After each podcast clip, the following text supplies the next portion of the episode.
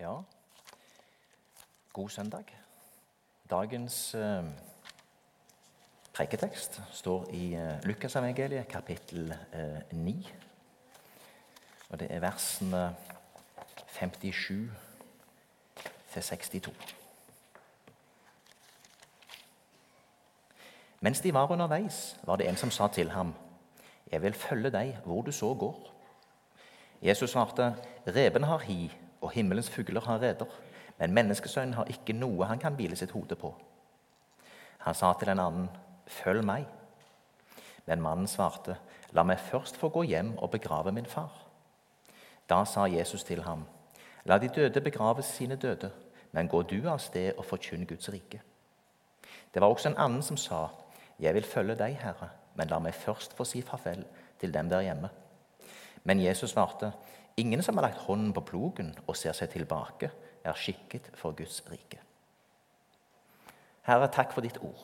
Takk for at du eh, har åpenbart deg for oss ved Din Hellige Ånd. Takk, Herre, for eh, at vi kan samles her på søndag formiddag. Nå ber jeg, Herre, om at du åpner ordet for meg, og at du åpner ordet for de som har kommet. Vi legger stunden i din hånd. Amen.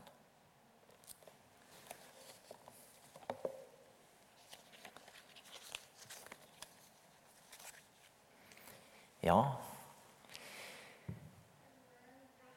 Det er en eh, tekst som eh, inviterer oss inn til ettertanke. Det er fint med Bibelen. Den eh, tar oss mennesker på alvor. Og det denne teksten gjør, det er å vise oss noen litt forskjellige personlighetstyper. Og deres første umiddelbare menneskelige tanker i møte med det å følge Jesus.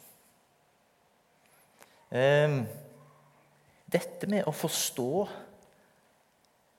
seg sjøl og forstå andre gjennom dette med ulike typer personligheter, det tenker vi av og til kanskje er litt sånn at det er sånne sekulære greier som du lærer litt om på jobben og sånn. Ehm, men Ole Hallesby, denne indremisjonshøvdingen, han skrev jo for ca. 100 år siden ei bok som jeg tror heter 'Temperamentene'. Der han viser altså da forskjellige mennesketyper.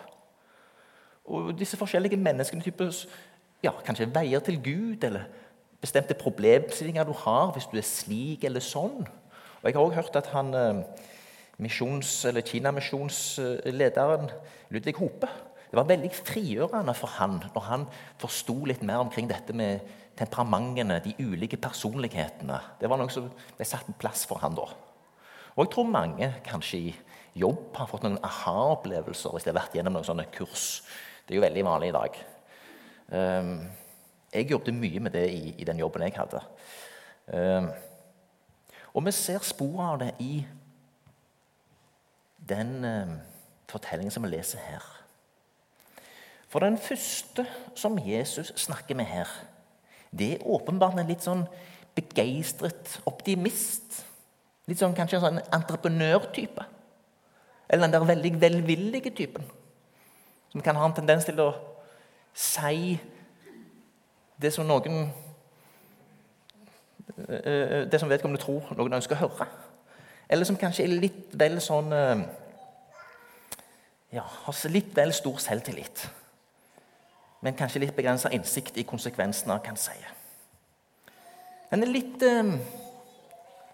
Kanskje litt forelska i sin egen overgivelse, sin egen vilje til å gå på Herrens veier, sin egen fromme innstilling. Jeg vil følge deg hvor du så går. Det er fint med denne iveren. Vi kan av og til se det kanskje særlig blant yngre mennesker som ønsker virkelig å hengi seg til Herren og gå på Hans veier. Så er det kanskje litt sånn eldre person, da. Kanskje litt sånn erfaren. Oh, oh, Vær litt forsiktig der. Det er mange som har gått i veggen på den turen der. Demp deg litt ned nå. Det er fint med iver. Det er fint med de som vil. Det er fint med de som brenner. Men, eh, men Jesus er ganske tydelig. Gir vedkommende egentlig en verbal smekk på kinnet. Uh -uh. Vet du hva du sier? Reven har hi, og himmelens fugler har reder. Men menneskesønnen har ikke noe han kan hvile sitt hode på. Du ber altså om å bli med meg, som knapt har et hjem, og som eh, er på vei mot en helt bestemt eh, oppgave, mission, som skal utføres. Tror du at du har det som skal til?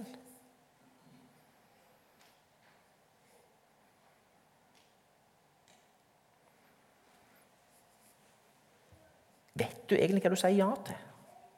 Hvor kommer din overbevisning fra? Kommer den fra din rent menneskelige svakhet til å drømme litt stort, snakke litt stort? Kommer den fra en overvurdering av egen offervilje og overgivelse? Hvor realistisk er det egentlig? Hvor realistisk er du omkring egne styrker og svakheter? Har du forstått noe som helst? En annen som kom med en veldig sterk vilje til å følge Jesus helt inn i døden. Peter han måtte jo også erkjenne på et tidspunkt han ikke hadde forstått så mye. Og Jesus er her borti noe som òg Jesus' sin bror underviser om. Jakob, Jesus' sin bror. Han har skrevet Jakobs brev. I 1. Korinterbrev 15, kapittel 6 og 7 der kan vi lese at Paulus sier at Jesus hadde vist seg for mer enn 500 brødre på én gang. Av de så lever de fleste, men noen er døde. Deretter viste han seg for Jakob, sin bror, eller halvbror, da, og deretter for alle apostlene. Så Jakob har ikke vært en troende. Han har ikke vært en som har heia veldig på Jesus før oppstandelsen. Men når Jesus har oppstått, wow, da gjør det noe med han. Og han blir en av lederne i menigheten i Jerusalem. Jakob skriver i kapittel 4 i sitt brev, versene 13-17.: Og nå, dere som sier, i dag eller i morgen drar vi til den eller den byen og blir der et år, driver handel og tjener penger. Og så vet dere ikke hvordan livet deres blir i morgen. Dere er jo bare en røk som er synlig en kort stund, og så blir borte. Dere skulle heller si, om Herren vil, så får vi leve og kan gjøre dette eller hint. Men dere skryter og bruker store ord. Alt slik skryt er av det onde. Den som vet hva godt han burde gjøre, men ikke gjør det, han synder. I, første, I møte med den første personen her så eh, ser vi altså at eh, det er noe rundt disse store ordene. Og Det tror vi òg kan ta til oss. Har vi grunnlag for å bruke disse store ordene? Jesus og Jakob advarer mot denne tryggheten, skråsikkerheten. Jesus underviser oss her i ydmykhet og være forsiktig med de store ordene. En ydmykhet overfor egne ideer om hva man kan og skal gjøre for Jesus.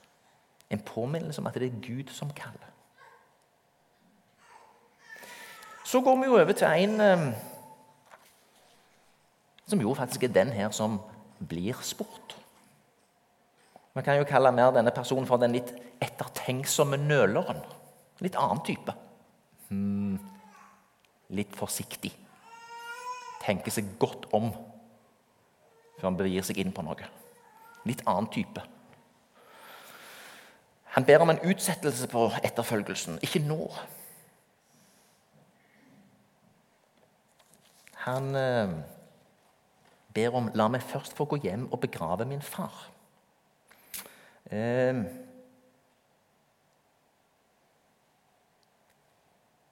Og det, som det var slik at faren var død og skulle bli begravd, så, så skulle det gjøre relativt raskt etter jødisk lov. Gjerne samme dag eller påfølgende dag. I 4. Mosebok kapittel 19 fra vers 11 så leser vi noe om at den som har vært i kontakt med de døde, skal være urein i sju dager. Da holder han seg hjemme i sju dager etter begravelsen. Og Jesus var jo på reise. Og Den aktuelle disippelen ville være mer enn sju dager på etterskudd når han hadde nådd igjen Jesus og de andre i følge. Kunne han i disse dagene ha fått uh, nye tanker etter å være sammen med familien? Klart det. Skal du virkelig følge denne Jesus? ikke dette litt voldsomt av deg? Du er jo ikke en sånn type som hiver deg ut på sånne ting. Hva er det som har skjedd med deg?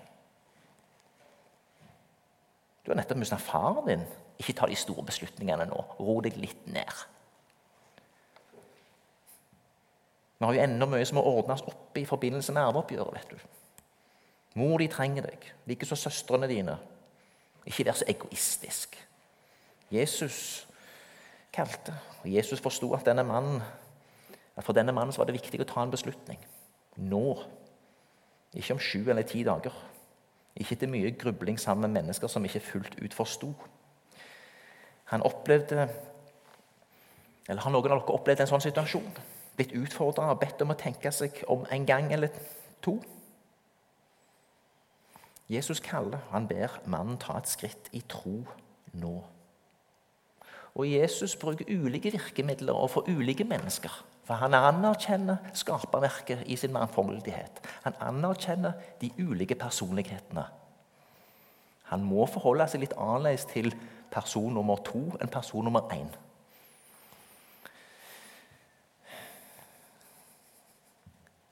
Andre kor 6, 1-2. Som hans medarbeidere formaner vi dere nå at dere ikke forgjeves tar imot Guds nåde, for han sier:" Jeg bønnhørte deg i rette tid og hjalp deg på frelsens dag. Det er fra Jesaja 49, 49,8.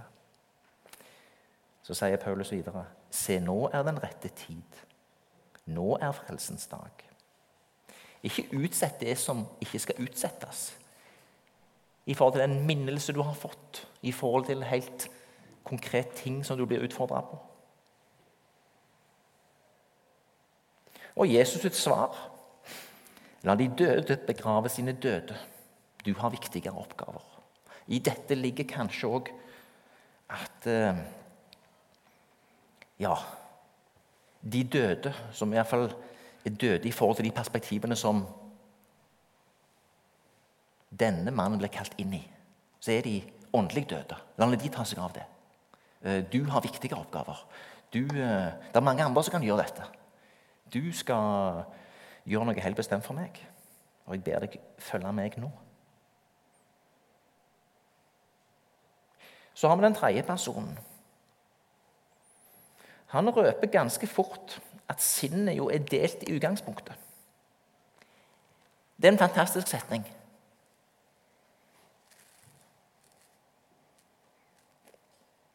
Jeg vil følge deg, Herre, men la meg først. Han, han, forteller i sin første setning at han har et veldig delt sinn. Der han ikke helt stoler på Jesus, og han har noen andre planer, og han har ennå ikke funnet helt ut av dette. Det er veldig delt.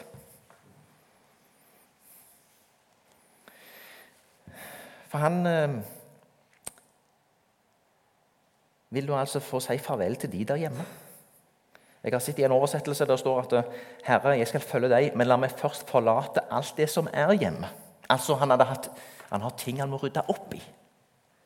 Det er ikke bare å si farvel til de der hjemme, men det er en hel del ting som skulle rydde opp i. Og da er vi kanskje inne i, uh, inne i noe som vi kan kjenne igjen. For det er en del ting som må ordnes opp i. Noe i livet som må på plass. En del rot i livet som må ryddes bort. En del andre ting jeg må gjøre først, før jeg kan følge deg.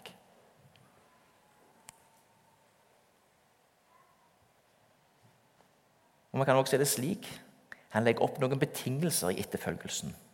Det og det må først være på plass. Så kan jeg tro. Så kan jeg følge Jesus.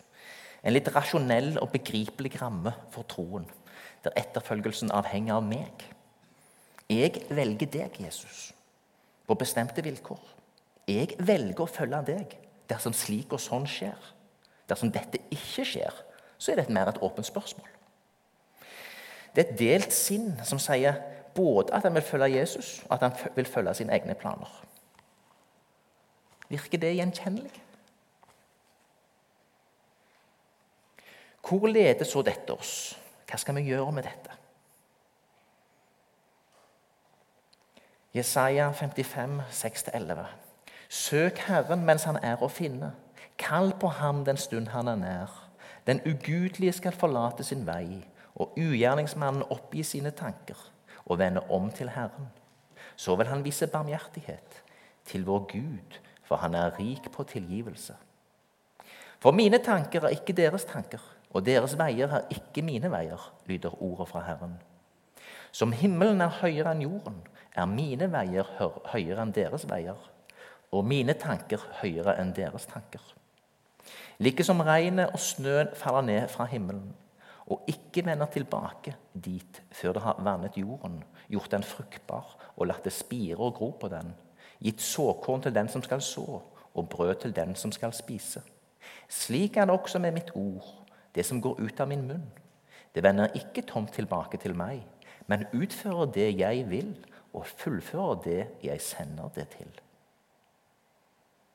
Gud er større enn våre tanker. Jesus viser at selv i vår vilje til å følge Han, så har vi rare tanker om hva det innebærer. Vi uttrykker en vilje til å følge Han, men vi er fremdeles orientert mot oss sjøl. Jeg vil, og jeg vil, men la meg først. Vi vurderer det slik at vi har noe å komme med. Vår iver, våre planer, våre fornuftige tanker om hvordan dette skal foregå. Jesus må banke inn i oss et annet perspektiv. En som fikk dette nye perspektivet, var Peter. Peters idealisme var stor, men han mangla ydmykhet og forståelse for sine egne menneskelige begrensninger. Etter Jesus' sin oppstandelse så har en ny ydmykhet kommet over ham. Vi ser i Johannes kapittel 21, litt ut i vers 17. Der sier Peter.: Herre, du vet alt. Du vet at jeg har deg kjær. Og Nå ser vi hvordan perspektivet har flytta seg hos Peter. Og det er det Jesus utfordrer òg disse som snakker med ham, til å gjøre. Flytt orienteringen fra deg og hva du vil, og dine tanker, til meg. Herre, du vet alt. Du vet at jeg har deg kjær. Ei bønn kan dermed være Herre, du vet alt. Du kjenner mitt delte sinn, min mangelfulle overgivelse, mitt ønske om å ha kontroll og være herre i eget liv. Gi meg lyst og vilje til å gå på dine veier, lytte til ditt ord. La ordet få konsekvenser for mitt liv. Forny min overgivelse til deg. La din vilje skje. Salme 51, 12-15. Skap et rent hjerte i meg, Gud. Gi meg en ny og stø ånd. Kast meg ikke bort fra ditt åsyn. Ta ikke fra meg din hellige ånd. La meg atter fryde meg over din frelse. Hold meg oppe med en villig ånd. Så vil jeg lære bortsmenn dine veier, og syndere skal vende om til deg.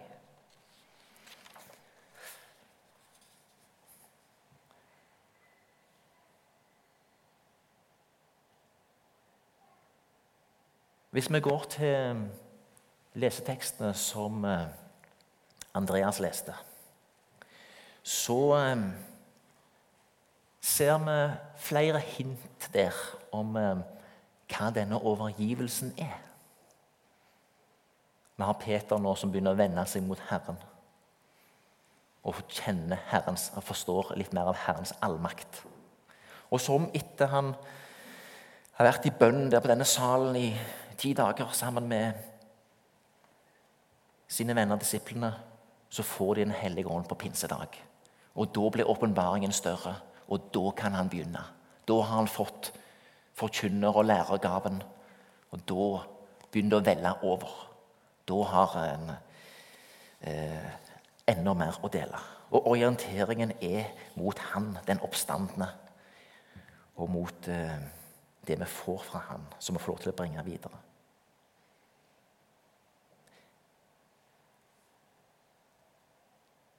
Eli må hjelpe Samuel i å lære seg å lytte til Guds stemme.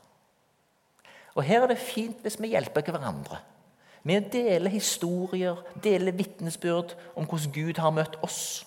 Dette er trosstyrkende. Um, ehm,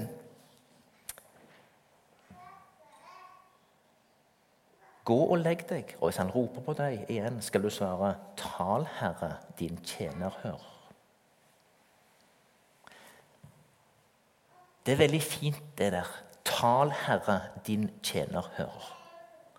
Skal vi, skal vi si det tre ganger høyt her nå? Altså Tal, Herre, din tjener hører. Tal, Herre, din tjener hører. Tal, Herre, din tjener hører.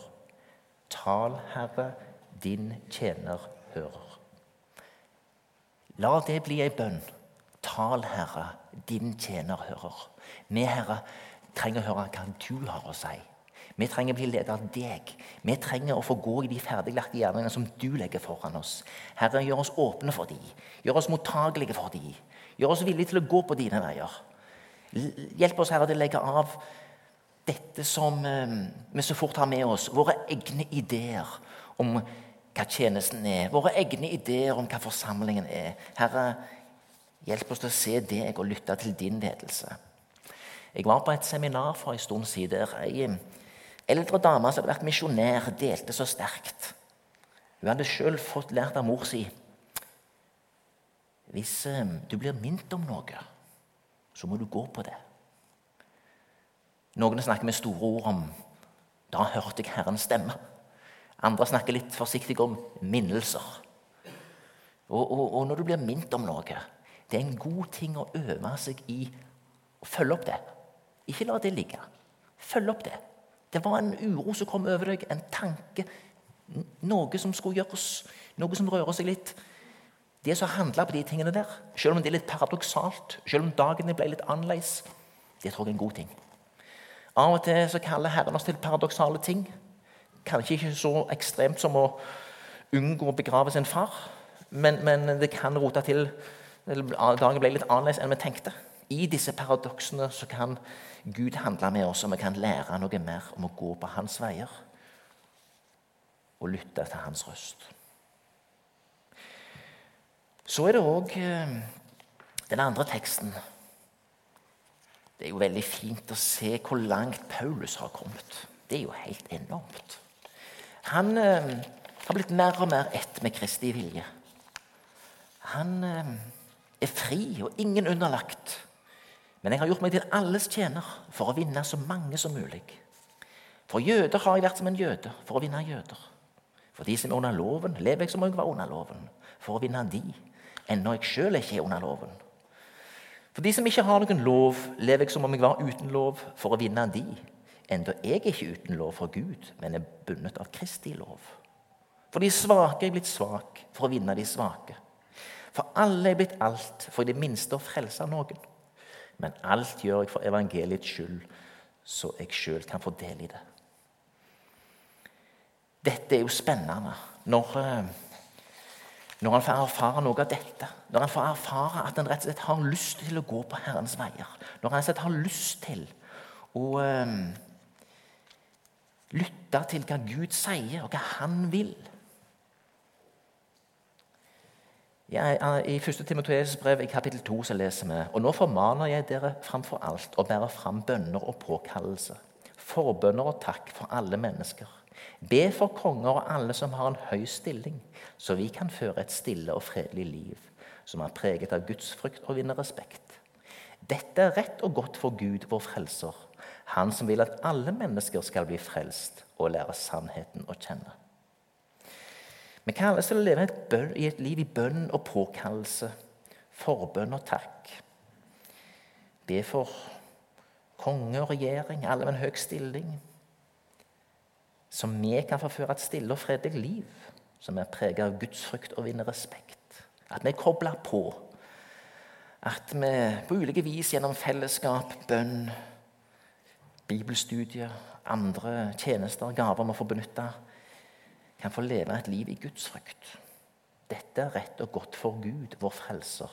Han som vil at alle mennesker skal bli frelst og lære sannheten å kjenne. Og så må vi be om å få både kreativitet, den rette ydmykhet, men òg den rette sikkerhet og trygghet for å kunne møte mennesker. Og så er det sånn at eh, Gud er paradoksenes gud. Han eh, har veier for oss som vi ikke hadde tenkt ut sjøl. Men det er å komme dit som Paulus er, at vi rett og slett har lyst til å gå på de veiene. Vi har lyst til å være mer kreative. Hvordan kan jeg være eh, en Kristi etterfølger i 2019-2020? Hva innebærer det? Jeg tror eh, det å jobbe kreativt med disse tingene her, og være litt der som Paulus er, i åpenhet om at det, at det kan være mange forskjellige ting og det kan være eh, forskjellig i ulike sammenhenger og kontekster. Eh, men her må vi hjelpe hverandre ærlig og redelig. Eh, jeg har to bøker med meg her.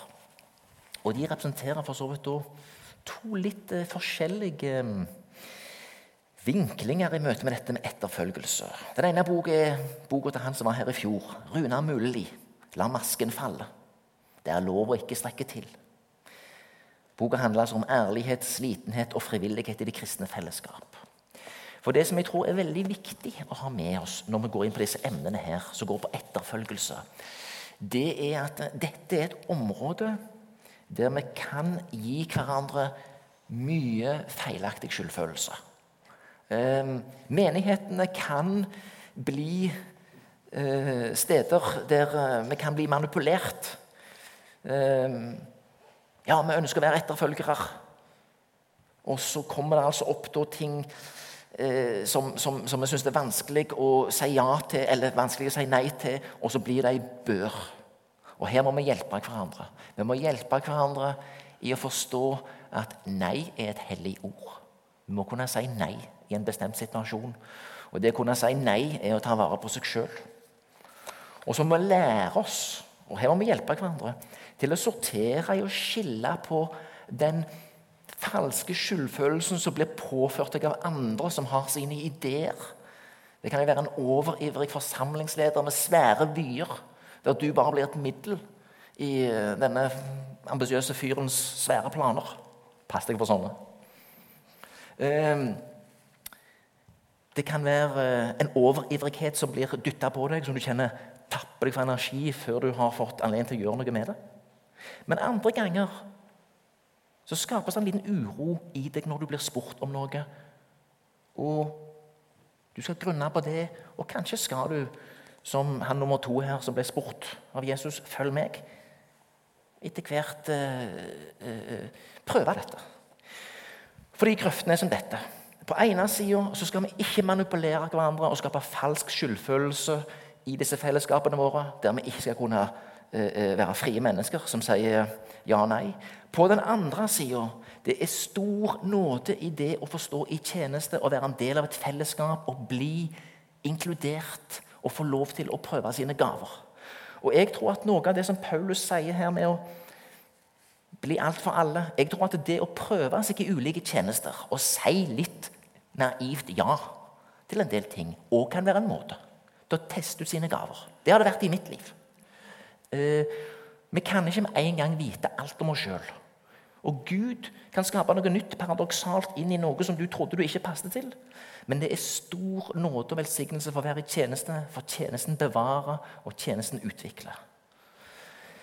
Takk til alle dere som har eh, sagt ja til tjenester, og jeg håper det gir dere energi.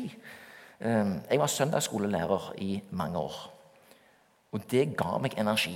Jeg hadde mer energi når jeg kom ut etter én time sammen med de der 9-13-åringene, enn når jeg gikk inn i det. Jeg hadde fått så mye sjøl. Det er kanskje en sånn primær gave. Eh, og det er godt når du får kjenne det sånn. Andre ganger selvsagt, så blir du sliten av å stå i tjeneste og si ja. Men, men eh, det er velsignelse i det. Men vi må passe oss at vi ikke manipulerer hverandre. Så har vi Dietrich Bonhoeffer. da. Bonhoeffer er ganske røff i denne boka med et bestemt fenomen som typisk har fulgt i den lutherske kirke. Og det er den billige nåden. Fordi, som jeg sier, det er jo bare en bitte liten forskyvning i det Luther sa og strevde med. Luther leita desperat etter den nådige Gud. Han hadde gått inn i klosteret. Han håpte å finne en nådig Gud. Og han finner en nådig Gud i, i, i Galaterbrevet når han forstår at det er Alt et Kristi verk. Det er ferdig. Han skal få hvile i det. Samtidig så var Luther allerede påskrudd og sto i tjeneste. Og det gjorde han hele sitt liv. Men, sier Brunhofer, dette har han skrevet i 37, så ble det så fort sånn at eh, enhver som ville gå inn i etterfølgelsens nåde, fikk jo da fort høre at eh, det må du ikke finne på, for det er jo bare nåde. Du må ikke finne på å dekke over nåden med å gjøre noe. Dette blir jo et slit og et strev. Og så sier Bonhoeffer her at nåden ligger i etterfølgelsen. Etterfølgelse er nåde. Og Det er en deilig paradokser. Det er ei bok ute i skapet der av den 249 kroner. Kjøp gjerne med dere den. Ehm, men det er et perspektiv som jeg tror særlig vi lutheranere, som av og til kan senke oss ned i nåden og ligge og sove ned Der kan du sovne inn som frosken i det litt lunka vannet som stadig blir varmere. altså. Dette tenker jeg særlig at vi lutheranere må ha med oss. Det er mye velsignelse i etterfølgelsen. Men vi skal passe oss for å bli manipulert. Men vi skal vite at vi hjelper hverandre, vi kaller hverandre inn i etterfølgelsen. Det var det jeg hadde tenkt å si. Amen.